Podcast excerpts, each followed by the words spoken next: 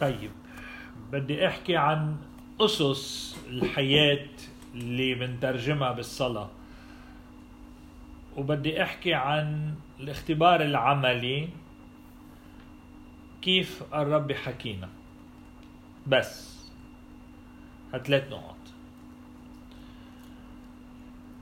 من أهم أسس اللي بتغذي حياتنا تأملية وصلاتنا هو الكتاب المقدس. نحن بنصلي بكلمة الله وكلمة الله هي الكتاب المقدس. بدون هالكلمة صلاتنا بتصير مجرد كلام أو أفكار روحية. وكلمة الله بالكتاب المقدس هي روح وحياة. نحن عم نحاكي مش كلام من عند الله كلمة الله شخص ابن الله المحتجب بالعهد القديم تحت الوحي والظاهر بوضوح وجلاء وكشف في العهد الجديد. نحن منا أهل كتاب. نحن تباع شخص حي يسوع المسيح. وكلمته هي شخصه. لأنه هو الكلمة والكلمة هو الله بيوحنا واحد واحد. ونحن لما بنتأمل بالكلمة بنتأصل فيها إلى أن نبلغ من إقامة المسيح. هذا عمل الكلمة يلي هي روح وحياة ويلي هي لقاء حي بالرب. المبدأ أو الأساس الثاني هو الليتورجيا. والليتورجيا بقصد فيها بشكل خاص القداس الليتورجيا الإلهية مش صلاة الفرد والمزامير. الليتورجيا هي تحقيق سر التدبير الإلهي لأجلنا. تدبير وين بنلاقيه؟ بالكتاب المقدس. وحي الله عن إرادته وذاته وتدبيره لأجلنا بنلاقيه بالكتاب المقدس. لكن تحقيق هذا التدبير بنعيشه بالليتورجيا. الكتاب المقدس بيقودنا إلى معرفة تدبير الله لأجلنا. بيضطرم قلبنا بالإيمان. شو صار مع تلميذي عماوس؟ كانت مسيرة مع كلمة الله. شرح لهم كل ما كتب عنه بالتوراة والأنبياء والمزامير اضطرب قلبهم بالإيمان. بس. أما ما عرفوا إلا عند كسر الخبز انفتحت عينيهم وعرفوه لكنه غاب عنهم لأنه صار فيهم. صاروا واحد معهم. بتلاقوها بلوقا الفصل 24 إذا الكتاب بيقودنا لمعرفة تدبير الله لأجلنا. بيضطرم قلبنا بالإيمان لكن تحقيق هذا التدبير بحياتنا بيكون من خلال الليتورجيا هونيك بتنفتح عينينا عند كسر خبز علي تتحول حياتنا لإله. كما أنا أحيا بالآب هكذا يحيا بي من يأكلني. أنا في الآب وأنتم في وأنا فيكم. إذا لسنا بعد نحن الأحياء بل هو المسيح يحيا فينا. ثالثا الحياة. والمقصود هون الحياة بالروح القدس. مثل ما حكينا قبل نحن مثل ما بنتنفس بنعيش بالروح القدس. هو فينا ينبوع الحياة الأبدية اللي حكى عنه الرب يوحنا 7 38 هو شريعة العهد الجديد بالنعمة بقلوبنا اللي حكى عنه إرميا بالفصل 31 أي 33 هو القلب الجديد يلي بيعيش فيه ومن خلاله بحسب حزقيال النبي الفصل 36 أي 26 و 27 إذا الروح القدس فينا اللي ختمنا فيه بعد العماد والميرون واللي بسببه صرنا مسيحيين. روح الرب علي مسحني. مسحني يعني صار فيني حياة الله. هو اللي بيلهم أعمالنا. وتصرفاتنا لتكون بحسب مشيئته لحتى تطابق حياتي صلاتي. بدونه نحن عميان. ما بنقدر نعرف الرب ولا نشوف الرب. الكشف الروحي ما بيصير بدون الروح القدس. ولا حدا يمكن أن يقول يسوع رب إلا في الروح القدس. ما حدا بيقدر يفهم ألوهة الرب ويعلنها إلا بالروح. هو اللي بيجعل سر يسوع المسيح الخلاصي حاضر. هلأ وهون بأون عمل الرب.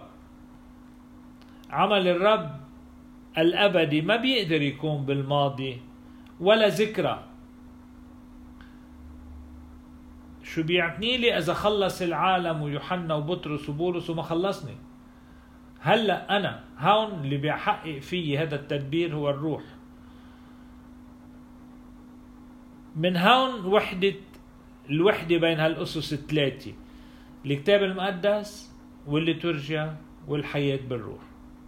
الروح القدس إذا بربي فينا جسد الرب بحولنا إلى جسد الرب. لما بنستدعي الروح بالإربان نستدعي علينا وعلى الأرابين وعلينا أولا. يحولنا إلى جسد الرب. يشركنا في جسد في جسد الرب يسوع ومعه بحياة الآب. أنا في الآب وأنتم في وأنا فيكم. كما أنا أحيا بالآب الحي الذي أرسلني هكذا يحيا بي من يأكلني من يتناولني. هذا من جهة الأسس الثلاثة بنضيف إلى الحياة بالروح عندنا مع الروح القدس معلمة. نحن بنعرف أنه الكلمة صار جسد بفعل الروح القدس من مريم. مريم هي هيكل الرب. هي ثيوتوكوس والدة الإله باليوناني ثيوتوكوس.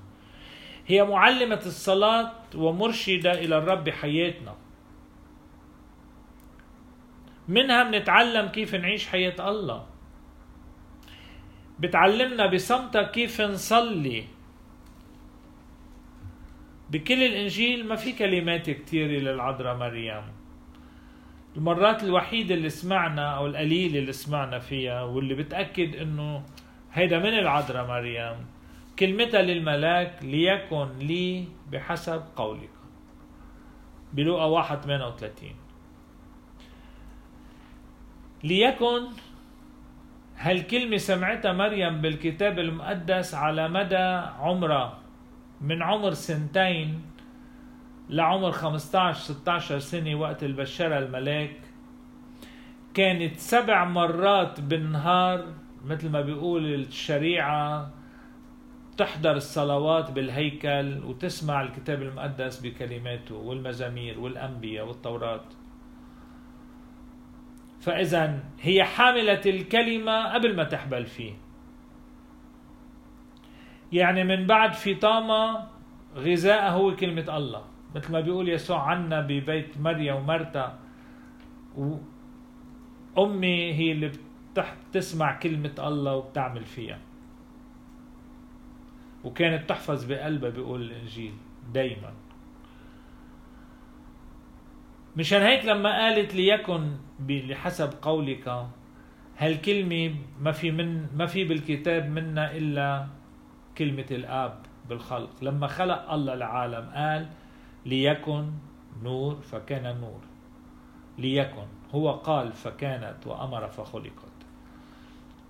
لما خلق الله العالم إذن في البدء خلق الله السماوات والأرض وقال الله ليكن نور فكان نور. تكوين واحد ثلاثة وستة وأربعة عشر دايما لكلمة ليكن. مريم تعلمت الإصغاء للكتاب المقدس حتى صارت تتكلم نفس كلمة الآب. بهالمعنى هي أم يسوع بالجسد أم الكلمة المتجسد. أم الله. مثل ما يسوع هو كلمة الآب بالروح. المولود أزليا من الآب بغير أم ولد في ملء الزمن من أم بغير أب. ومشان هيك جواب مريم هو صدى صوت الآب الأزلي يلي بيولد ابنه الحبيب.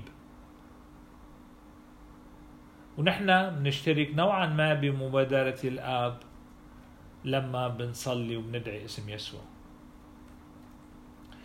لما بنقول عن العذراء مريم أنها معلمة ومرشدة إلى الرب هذا لا يعني أنه هي وسيطة بيننا وبين الرب ولا أنه نوقف عندها بالصلاة ولا بنصلي لإلها بنصلي معها بنصلي بالشركة. هي بتعلمنا بالصلاة وبالحياة كيف نلتقى الرب يسوع ونطيعه ليظهر مجده مثل ما صار بقانا الجليل بيوحنا 2 5 و11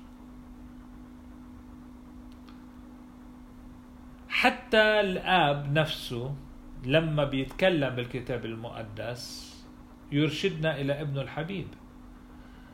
مرتين بس سمعنا صوت الآب بالعهد الجديد بالإنجيل. مرة لما يسوع كان عم يتعمد السماء انفتحت وصوت من السماء بيقول هذا ابن الحبيب الذي به سررت. وبجبل التجلي أيضا لما الغمام ظللتهم وصوت من الغمام بيقول هذا ابني الحبيب الذي به سررت له اسمعوا. بتلاقوا المراجع بمتى 3 17 ومتى 17 5 ومرقس 9 7 ولوقا 9 35 والمزمور 2 7 وأشعيا 42 1 هودي اللي بدلوا صوت الآب إلى الإبن. سواء بالمعمودية سواء بالتجلي. لهالسبب بيقول يسوع لا أحد يستطيع أن يقبل إلي إلا إذا اجتذبه الآب الذي أرسلني. بيوحنا 6 44 كمان بيقول لا أحد يأتي إلى الآب إلا به. بيوحنا 14 6 نحن بصلاتنا بنستعجل مجيء الرب إلى العالم. بنعجل مجيء ساعة يسوع مثل ما عملت العذراء مريم بعرس قنا الجليل. يوحنا 2 4 5 ما لي ولك يا امرأة لم تأتي ساعتي بعد. ساعته يعني الصلب الفدائي الصلب المخلاصي حامل خطايا العالم وموت الإنسان. عجلته مريم. نحن بدعاء واحد مع الروح القدس إلى الرب. تعال هلم وهلم سريعا مثل ما بتقول الرؤيا 22 17 نحن بنعجل مجيء الرب إلى العالم بنعجل ساعة يسوع مثل ما عملت مريم بعرس قانا بيقول الآباء الروحيين نحن إما بنصلي دايما أو ما بنصلي أبدا. ما في إنه أنا أوقات بصلي. إما 24 على 24 أنا بحالة صلاة. بمعنى إنه عم ترجم يلي التقيت فيه ربي وقت الصلاة والإصغاء وكلمته وروحه وإلهاماته وعشت حياته عم ترجمه بيومياتي بحيالله شيء بعمله بحيالله حدا بلتقاه. بتنفس مثل ما بتنفس بعيش بالروح. هذا هو معنى الصلاة في الحياة. إذا بس لحتى نصلي دايما بدنا نصلي أحيانا. يعني يسوع نفسه كان يترك الجموع ويروح على الجبل يصلي مع إنه هو بعلاقة دائمة 24 24 مع الآب بإنسانيته. وما بيعمل إلا اللي بيلهمه عليه الآب وما بيقول إلا كلام الآب اللي بيحطه على لسانه. فاذا ومع هيدا كان يروح ويقضي وقت بالجبل ويصلي. اذا لنصلي دائما بدنا نصلي أحيانا. هذا هو معنى دعاء القلب أو دعاء اسم يسوع. لنصير نحن ويسوع متحدين بدعاء واحد مستمر إلى الآب. الاسم الوحيد يلي بيحوي كل شيء هو اسم يسوع يعني الله يخلص. الله معنا عمانوئيل هذا هو الدعاء الأساسي بحياتنا وهذا بيتطلب نزول العقل إلى القلب. المكان مركز القرار العمق يلي بيستقبل فيه الحياة. اللي بيلتقى فيه الرب اللي بيقبل الرب. خارج هالعمق بمستوى القلب صلاتنا بتكون خارج حياتنا. هودي من باب الأسس. نجي إلى الاختبار العملي. كيف بدنا نصلي؟ نوقف قدام الرب. مثل ما قلنا قبل بنستدعي الروح القدس ليحل فينا ويطرد عنا كل اهتمام دنيوي. أيها المعز أي روح القدس؟ المعز أيها الملك السماوي. يعني بنقول يأتي ملكوتك يعني ملك السماوي. المعزي روح الحق الحاضر في كل مكان والمالئ الكل. كنز الصالحات وواهب الحياة. هلما واسكن فينا وطهرنا من كل دنس. وخلص أيها الصالح نفوسنا نستدعي الروح. لا يحل فينا ويترك كل اهتمام دنيوي. لكن بنكتشف إنه اهتماماتنا بعد حاضرة قدامنا بالصلاة. في الواقع هون مش مطلوب بالصلاة يرفعنا الرب إلى حالة ملائكية فوق الواقع. ومش مطلوب إنه نرتاح لنعرف نصلي. تعالوا إلي يا جميع التعبين والثقيلي الأحمال وأنا أريحكم. مش لما برتاح بصلي لما بصلي برتاح. عمل الرب هون وقت اللي عندي هموم واهتمامات هو إنه يجعل اهتماماتي اهتماماته نفسها ويحولها يقلب المعركة لأتعلم أنا اهتمامات الله بحياتي. أنا ما بنسى مشاغلي ومشاكلي وصعوبات حياتي بوقت الصلاة بحطها على جنب وبعد الصلاة برجع لها. مش هذا هو عمل الرب الخلاصي. الصلاة منا جرعة مسكن ولا إبرة مخدر. الصلاة هي معركة شفاء وخلاص في الرب. وهذا المعركة والخلاص من خلال جروح حياتي وشجونة. هونيك بيلتقاني. هذا واقعي هاي حقيقتي. بوقف بعريي الروحي قدام الرب وهو بيلبسني ثوب البر البر. أنا بالحق. بوقف قدامه حامل بجسدي علامات الضعف وآثار الخطية. وهو بيشفي فيها الجروح وبخلصها. وأنا بعرف حبه من خلالها وما عرفت حبه إلا من خلال ضعف وخطية وجرح. مشان هيك ما بطلب إنه ينسى الرب ماضيي ولا ينسى خطاياي ولا ينسى ضعفي. هو ما بينسى لإنه بحب لإنه حبني هون من خلالها هون عرفت حبه. بيقول بأشعيا النبي فصل 49 أي 14 ل 16 أنتوا بتقولوا نسيني الرب. بيقول أتنسى المرأة مرضعاها فلا ترحم ابن بطنها؟ بيتصور عقلكم إم تنسى تردع ولدها اللي خلفته وبيفترض حتى ولو نسينا هؤلاء أنا لن أنساك يا شعبي. على كفي رسمتك على كفي رسمتك. جبلنا وخلقنا ونفخ فينا الحياة. هو من هذا المطرح دعاني وقبلني وأنا بهالجروح والضعف. لهالسبب أنا بنتمي له منه حياتي. إليك ألقيت من الحشا بالمزمور 22 9 ل 11 يلي استعملوا يسوع على الصليب وصلاه إلهي إلهي لماذا تركتني؟ بالآية 9 ل 11 بيقول إليك ألقيت من الحشا من بطن أمي أنت إلهي. شراح الكتاب والآباء الروحيين واللي بيعيشوا التأمل كيف بنشرح إليك ألقيت من الحشا من بطن أمي أنت إلهي؟ هذا المزمور يعود إلى زمن داود ألف سنة قبل المسيح. بالتقليد العشائري والقبلي بالمجتمع اليهودي. كان لما الأم بدها تولد لكن في مستشفيات ولكن في مكان ولادي كانت تدايي وبعد أيام جدودنا كمان نعرف هالشي. كانت لما تيجي الداي لتولد المرأة كان الرجال يعني بي الولد بيكون بالغرفة الثانية ومجبورة الداي تاخد ال baby سواء صبي أو بنت إلى ركب بيو. هو اللي بده يعطيه الاسم وهو بده يشير لها إنها تغسله وتملحه وبيصير بينتمي له بيصير ابنه. يعني إرادة الحياة ما بترجع للأم اللي بتخلف بترجع للبي اللي بيقبل. المولود وبيعطيه الاسم وبيصير له بينتمي له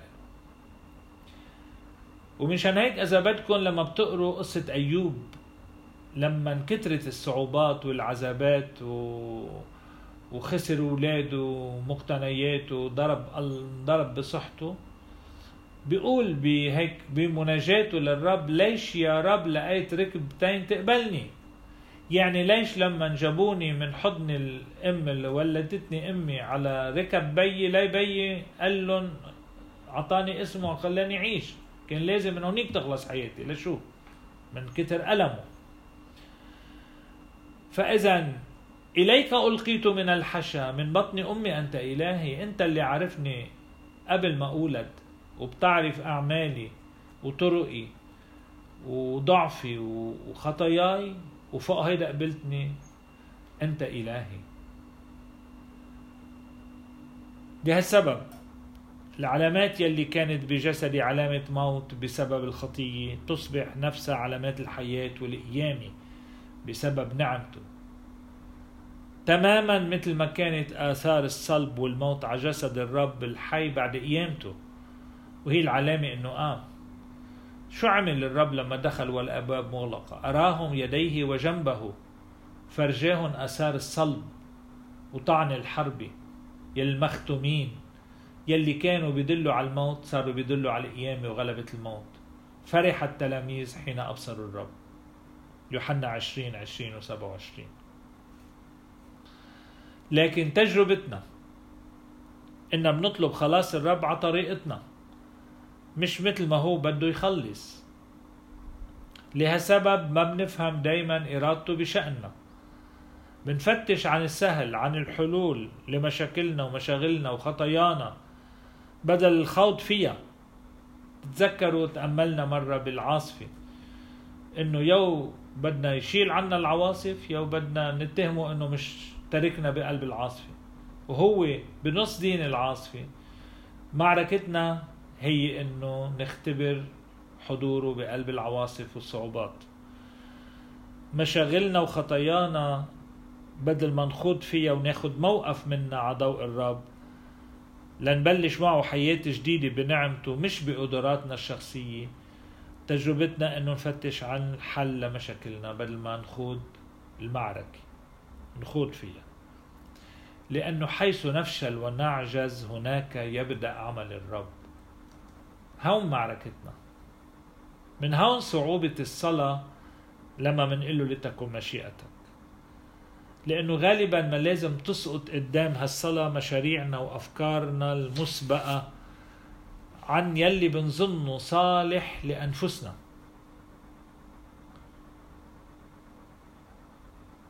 ما بنعود نتذمر على الرب ساعتها.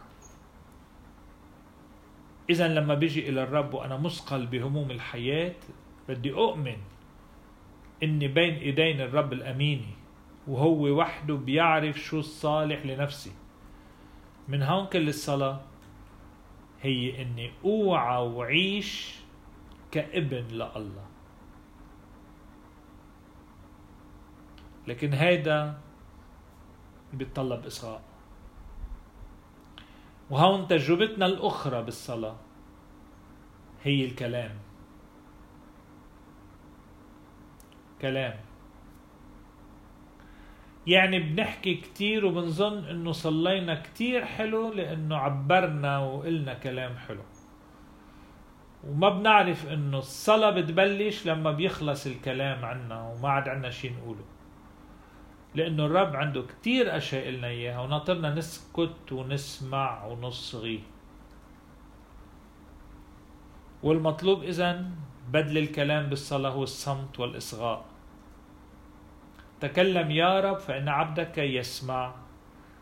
بسفر الملوك الأول فصل 3 أي 9 ل 10 أو صموئيل الأول 3 9 ل 10 شو قصته صموئيل؟ صموئيل كان ولد عند خادم لرئيس الكهنة بالهيكل. بيروح وبيجي وبيخدمه. بيسمع صوت. صموئيل صموئيل. بيركض لعند رئيس الكهنة. أنت عيطت لي؟ قال له لا. راح رجع.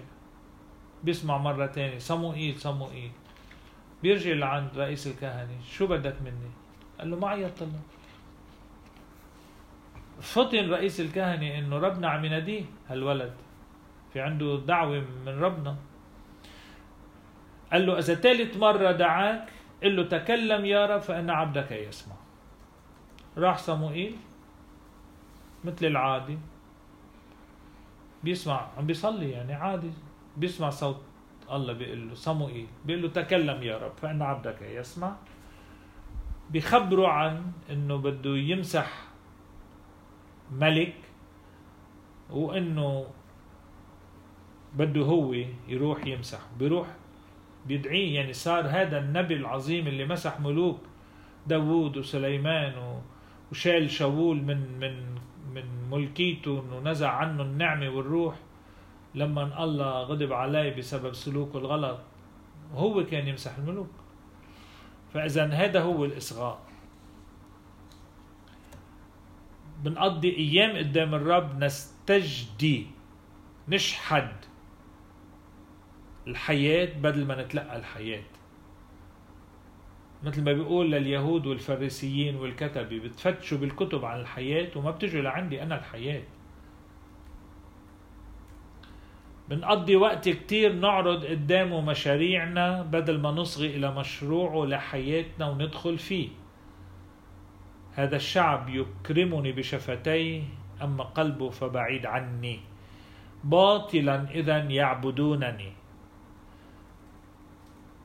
بيستعملها يسوع بمتى 15 8 مستشهد بأشعية 29 13 إذا هي التجربة مش هينة بالصلاة الكلام كلام كلام والمطلوب هو الإصغاء إلى الكلمة يلي قلت عنه روح وحياة. فإذا كان الرب يكلمنا هات لنشوف. عمليا. شو هي الطرق اللي بيكلمنا فيها؟ وين بيكلمنا؟ بيكلمنا أول شيء بروحه القدوس الساكن فينا. نحن شعب مسيحاني. مسحنا بروحه روحه الساكن فينا هو روح الحق بيطهرنا من كل اهتمام باطل وبيكشف حقيقتنا كما بيكشف سر الله لإلنا. من علامات رحمته هذا الروح الساكن فينا أنه لا يسكت ابدا بل يؤدبنا لئلا يقضى علينا مع العالم. ما بيسكت لحتى يطهر فينا الخفايا اللاواعية لأنه روح الحق. بيكلمنا الرب أيضا بكلمته مثل ما قلنا كلمته بالكتاب المقدس. بيقول عنا ماربولوس كلمة الله أمضى من سيف ذو حدين. هالقد قوية. من جهة كلمة الله بتهدم في ما هو باطل ومن جهة تانية بتبني في ملكوت الله. على الحالتين الكلمة بتطهر وبتنقي وبتعمر حياتي. بيكلمني الرب أيضا بأحداث حياتي. كل شيء بحياتنا له معنى على ضوء الرب. نحن مش أبناء الصدفة. نحن أبناء التدبير الإلهي. وبدي أقرأ علامات الأزمنة بحياتي وأصغي لمقاصد الرب من خلال هالأحداث. ما في شيء صدفة إذا. بيكلمنا الرب أيضا بأشخاص بنلتقاهم بحياتنا. وأنا مدعو من خلالهم أعرف رسالتي شو بعيش أو شو بده يقول لي الرب الآخر هو وجه الله غير المنظور لإلي بحياتي. هو المحك. المحك. المحك يلي بيستعملوا الجوهرجي لي ليفحص الذهب إذا كان بيور ذهب ما فيه شوائب معدنية. هو آلي صلبي جدا. بحك الذهب ليشوف قد بيلمع. الآخر هو هذا المحك. والمحك هو صعب. وصعوبة الآخر أنه يحك فيه جوهري ومعدني. فهذا المحك إما بيظهر فيه يسوع المسيح أو بيفضح فيه عدم ظهوره وعدم اختباري له وعدم عيشي لسره. إذا الرب يكلمنا باستمرار. ونحن ما بنعرف دايما كيف نصغي لأنه ما بنعرف كيف بنصلي. منشان هيك بالحديث الرابع يعني ورا هيدي الحلقة رح يكون اللي حديث آخر عن صعوبات أو موانع الصلاة يلي عم تمنع علي هذا الإصغاء بهذا المستوى. اللي عم بقول عنه للحياة. في تسع عشر موانع أو صعوبات أكيد بالحديث القادم بنحكي عنها. هلأ رح وقف هون لاترك لكم إذا في استفسار وبترك الأسبوع الجاي التفاعل على ضوء سماع الحديث. ميرسي.